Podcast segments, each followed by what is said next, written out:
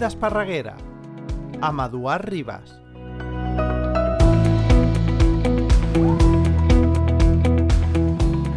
Veïnes i veïns, benvingudes i benvinguts a un nou episodi del fil d'Esparreguera. Si recordeu el darrer episodi, el, el, vaja, el primer, vam parlar de la festa major i avui parlarem dels pressupostos participatius i per això tinc la regidora de Bon Govern que, que m'acompanya, la Maria Mas. Hola, Hola, què tal? bé, bé. Doncs anem a parlar d'aquesta nova edició de pressupostos participatius, la tercera, si no la vaig errat, la tercera. correcte. Tot, tot va molt ràpid. Uh, no sé, potser podem explicar una mica com, com ha anat uh, aquest any i potser abans de tot explicar la iniciativa, perquè encara si hi ha alguna cosa que detectem és que l'eina de pressupostos participatius és una eina demandada de la gent que vol participar en política més enllà de fer un vot cada 4 anys, però que encara del tot la gent no l'acaba de, de conèixer. I de fet, després ho comentarem també, la participació pel que fa a propostes i, i vots ha sigut constant, més amunt, més avall, però amb una línia constant i no ha sigut ni una eclosió exponencial ni més i per tant jo crec que tenim marge en aquest cas de, de millora. També perquè ens escolteu, perquè hi ha molts moments, eh, vaja, jo diria que és el dia a dia, que des del govern municipal i en concret des de l'alcaldia anem rebent moltes propostes de, de veïns i veïnes que ens feu perquè puguem fer. I hi ha moments que és fàcil fer-les, d'altres que són inviables, ja pel que sigui, pel moment que estem de govern, per, per, per la situació econòmica, perquè no hi ha partida o com sigui, però és que realment l'eina de pressupostos participatius és una eina fantàstica a l'hora de proposar i executar política pública, que és finalment la finalitat que busca, que és que, doncs, que es facin propostes directes des de la ciutadania i que per tant aquestes des de l'Ajuntament les puguem fer realitat. No sé com ho veus tu la- el balanç d'aquests tres anys, eh, d'aquestes tres edicions, millor dit, Maria, i com veus la d'enguany?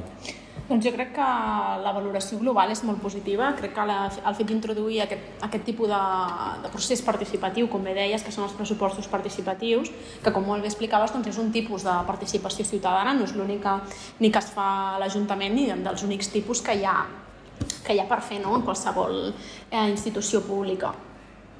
La valoració d'aquestes tres edicions doncs, ha sigut molt, molt, molt bona. Vam començar la primera edició el 2018, és a dir, el mandat anterior, amb una primera experiència.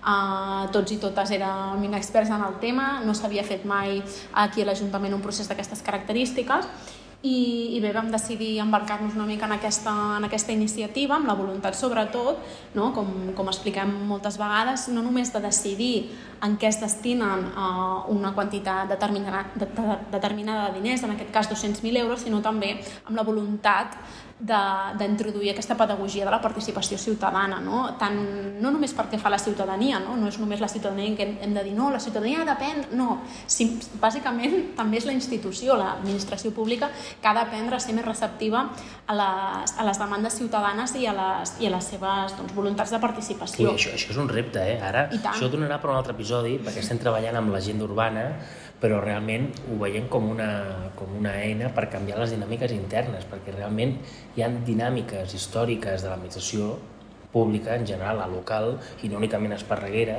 i hi ha dinàmiques, en aquest casos, eh, i comportaments, no, no, no de funcionaris o persones concretes o polítics, però sí que és veritat que aquesta necessària obertura de mires a la forma de governar, jo deia, avui teníem reunió de l'agenda urbana, per exemple, deia, s'ha acabat allò de que l'Ajuntament eh, suposa i pressuposa, és a dir, que ve i diu el que s'ha de fer i com s'ha de fer, no, que això s'ha acabat, eh, que es governa diferent. Hi ha, hi ha una cogovernança, hi ha una proposta, hi ha, hi ha finalment també un, un ok de la ciutadania d'alguna manera, per tant, jo crec que anem a una cogovernança eh, amb, amb diferents balanços de, de qui fa què, però evidentment amb, amb, amb una implicació creixent de la ciutadania i inclús en molts casos de decisió directament per ells, més enllà del vot, eh, per entendre'ns, pressupost participatius. És un exemple, un totalment, exemple. perquè de fet és passar del que és la, la, la institució decisora, en aquest cas l'administració o l'Ajuntament, a passar a tenir un rol més facilitador, de forma que dif diferents actors, de la, siguin de la ciutadania, empresarials, diferents institucions, més enllà de les, no, de les municipals, sinó les supramunicipals, fer aquest paper de governador, de governança, per ser, capaç de, ser capaços d'articular diferents interessos. De fet, recordo la primera edició doncs, que algunes persones, també d'aquí a la casa, em preguntaven però hi haurà unes propostes no, de l'Ajuntament i la ciutadania di- decidirà quines són les que els, més els hi agrada. I els deien, no, no, no, les propostes seran de la ciutadania, és a dir, primer preguntarem a la ciutadania, escolteu, què és el que us agradaria fer Esparreguera? I quan tinguem aquestes propostes, evidentment validades tècnicament, pel que comentaves, hi ha coses que no són viables i coses que sí. Quan hi hagi aquesta validació tècnica, llavors sí que sotmetrem a votació quines es fan i quines es deixen de fer. Però vull dir que fins i tot no sobtava una Sí, mica sí. aquesta metodologia que, que és veritat que, que també s'havia fet ja en d'altres llocs, Sí, eh? però aquí, aquí justament doncs, Bueno, cara no en havíem fora tingut. igual. Cara en fora igual, sí, sí. preguntava i a vegades em quedo de, bueno, i què m'estàs dient? Sí, que em sí, sí. preguntareu i fareu cas al que jo proposo i bueno, que és que això és blanca. Clar, clar, clar. El primer és a proposar i després cal que siguis de les més votades. Depèn del nombre que hi hagi, també, finalment, Mm. Sí. clar.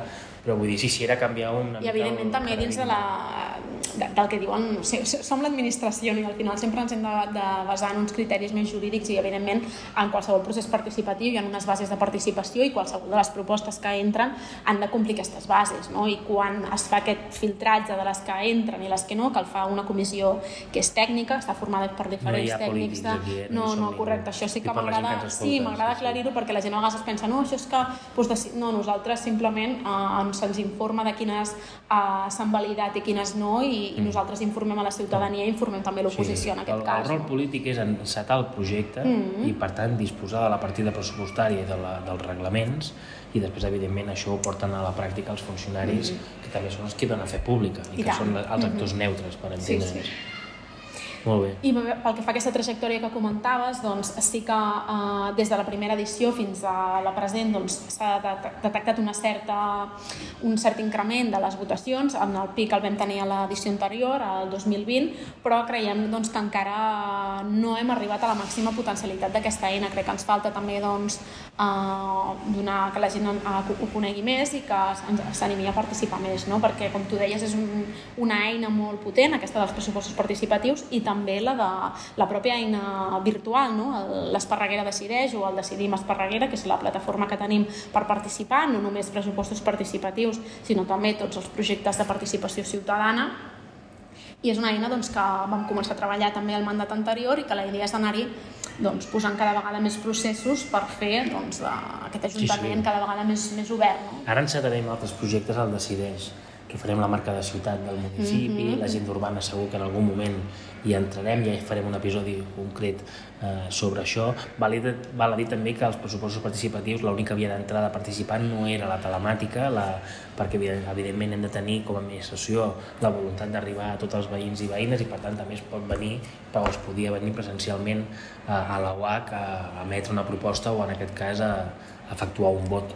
Correcte, es podia venir aquí i la, i la UAC feia com d'element facilitador per tal de, de poder introduir totes aquestes informacions a la plataforma. Val a dir que més enllà de la participació en nombres absoluts, mm -hmm. jo crec que sí que hi ha un element que hem detectat, que és més subjectiu que, que objectiu, però que jo crec que aquí sí que hem, hem tingut un cert èxit, que és que un dels objectius d'aquesta iniciativa era generar sinergies en les pròpies entitats. Mm -hmm. I jo crec que són, justament són les entitats a nivell municipal de tot tipus, eh, esportives, mm. educatives, culturals, la que esperaven i esperen aquesta proposta i les que s'articulen i s'organitzen primer per proposar i segon, i potser més important, a l'hora de votar, que fan cadenes de WhatsApp i missatges demanant el vot, fent campanya per entendre'ns. Eh? Jo crec que això és positiu perquè no sé quin, quina penetració arriba a tenir el que és el gruix del municipi, i és veritat que hi ha un nombre, una, hi ha, hi ha un element de millora eh, pel que fa a nombres de vots absoluts que dèiem, però que jo crec que mobilitza part del teixit associatiu de la vila i jo crec que això sí que és quelcom que ens hem de congratular perquè vol dir que hi ha vida i que això ja ho sabem, que som una vila molt dinàmica perquè fa entitats, però que la iniciativa en aquest sentit es veu que és útil. Sí, sí, sí, les entitats, eh, especialment a la segona i la tercera edició, eh, han tingut un, un paper preponderant, també es, es reflecteix en les propostes que han estat guanyadores i en aquesta darrera edició sí que van tenir doncs, força rellevància el que són les escoles, AMPAs i tot el que està vinculat amb la comunitat educativa. També es, eh, també es veu reflectit en, en Els quines han estat la, les també. propostes guanyadores. Sí, sí, sí que és cert que tampoc és casual, és a dir, en aquesta darrera edició es va fer bastant èmfasi doncs, en el PEC, el Consell d'Infants, anar a les escoles, explicar aquest projecte, que presentessin propostes, i sí que és cert doncs, que això et demostra que si incideixes en un cert col·lectiu doncs, també té, té, una, té una mobilització més, més alta. El fil d'Esparreguera, un podcast d'Eduard Ribas.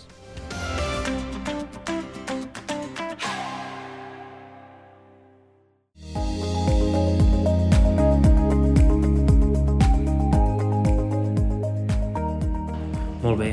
Potser podem explicar finalment les propostes que, que han guanyat. Sí. I i bueno, també comentar quan, quantes hi ha hagut en total, eh? no sé si ho tenim a mà. Sí, mira, eh, en total, en aquesta darrera edició van votar 541 persones que van emetre un total de 2.990 vots. En quants projectes eren? El total de projectes n'hi havia 43. Ui, que Déu-n'hi-do. Sí, sí, sí, sí que és veritat. 43 que han fet el filtre de la comissió. Correcte. Aquests 43 són els que van ser finalistes per entendre'ns i després eh, Són els que es d'aquests podien votar. Sí, d'aquests n'han sortit guanyadors 8, que els enumero ràpidament. Ah, la Déu-n'hi-do. rampa d'accés per cadira de rodes a les pistes municipals de tennis, uns, uns quants arranjaments també a les pistes de tennis municipals, camins escolars accessibles i segurs, eh, la instal·lació d'un cobert de fusta al bosc de Can Roca, millorar el pont nou de la Plana, recuperar estructures de pedra seca a l'entorn del bosc de Can Roca, a l'espai natural dels Blaus, instal·lar repetidors wifi a locals municipals de Mas d'Engall i àudios amb codi QR a punts claus de l'entorn natural i urbà. Aquí sí que destacar que hi ha una cosa que, que és la primera vegada que ens passa, que és que eh, hi ha propostes que estaven entremig més votades que la 7 i la 8, que són les dues darreres que he dit, però que per import no van poder entrar. És a dir, això és una cosa que també es, es deixa molt clara a les bases, és a dir, el, el màxim són 200.000 euros i es van sumant totes les propostes fins a arribar a aquest topall Aquell de topall, 200.000 clar, euros. pot passar això. Si hi ha una proposta que per exemple, estem en 190.000 i van 20.000, doncs ja no pot entrar. En canvi, si la següent val 10.000, doncs ja entra. Vull dir que això a vegades, potser algú que no ho hagi vist doncs li pot estranyar, però aquesta és l'explicació. Jo sí que us convidaria a entrar a la plataforma si voleu conèixer més detall d'aquestes propostes. Uh, ara estem en fase doncs, d'executar-les, de tenir uh, els contactes amb les persones que les han proposat per tal doncs, que puguin ser el màxim decorades possibles amb, el que, amb la voluntat de les persones proposants i també uh, tornarem a rellençar l'enquesta que ja vam fer en el mes de juliol, la tornarem a fer ara al setembre per recollir més més idees i més eh, explicacions de com creu la ciutadania que ha funcionat aquesta plataforma i aquest projecte. Per tant, us convido a entrar a la, al decidim.esparreguera.cat eh, properament penjarem aquesta enquesta novament i us convido doncs, a totes i a tots a, dir- a explicar-nos una mica què us ha semblat aquest procés, si heu participat, si heu trobat alguna dificultat, si us ha agradat molt, poc, sobretot de cara a properes edicions puguem tenir doncs, la, no? una idea de com, de com millorar. Sí, sí, i tant. Eh, tot això queda recollit després, també com a, com a arxiu a la web de Decideix, eh, que decidim que està a la web de l'Ajuntament d'Esparreguera, per tant, a través d'esparreguera.cat ho podeu veure tot. Ens quedem amb aquest anunci d'enquesta que també publicitarem a nivell comunicatiu local.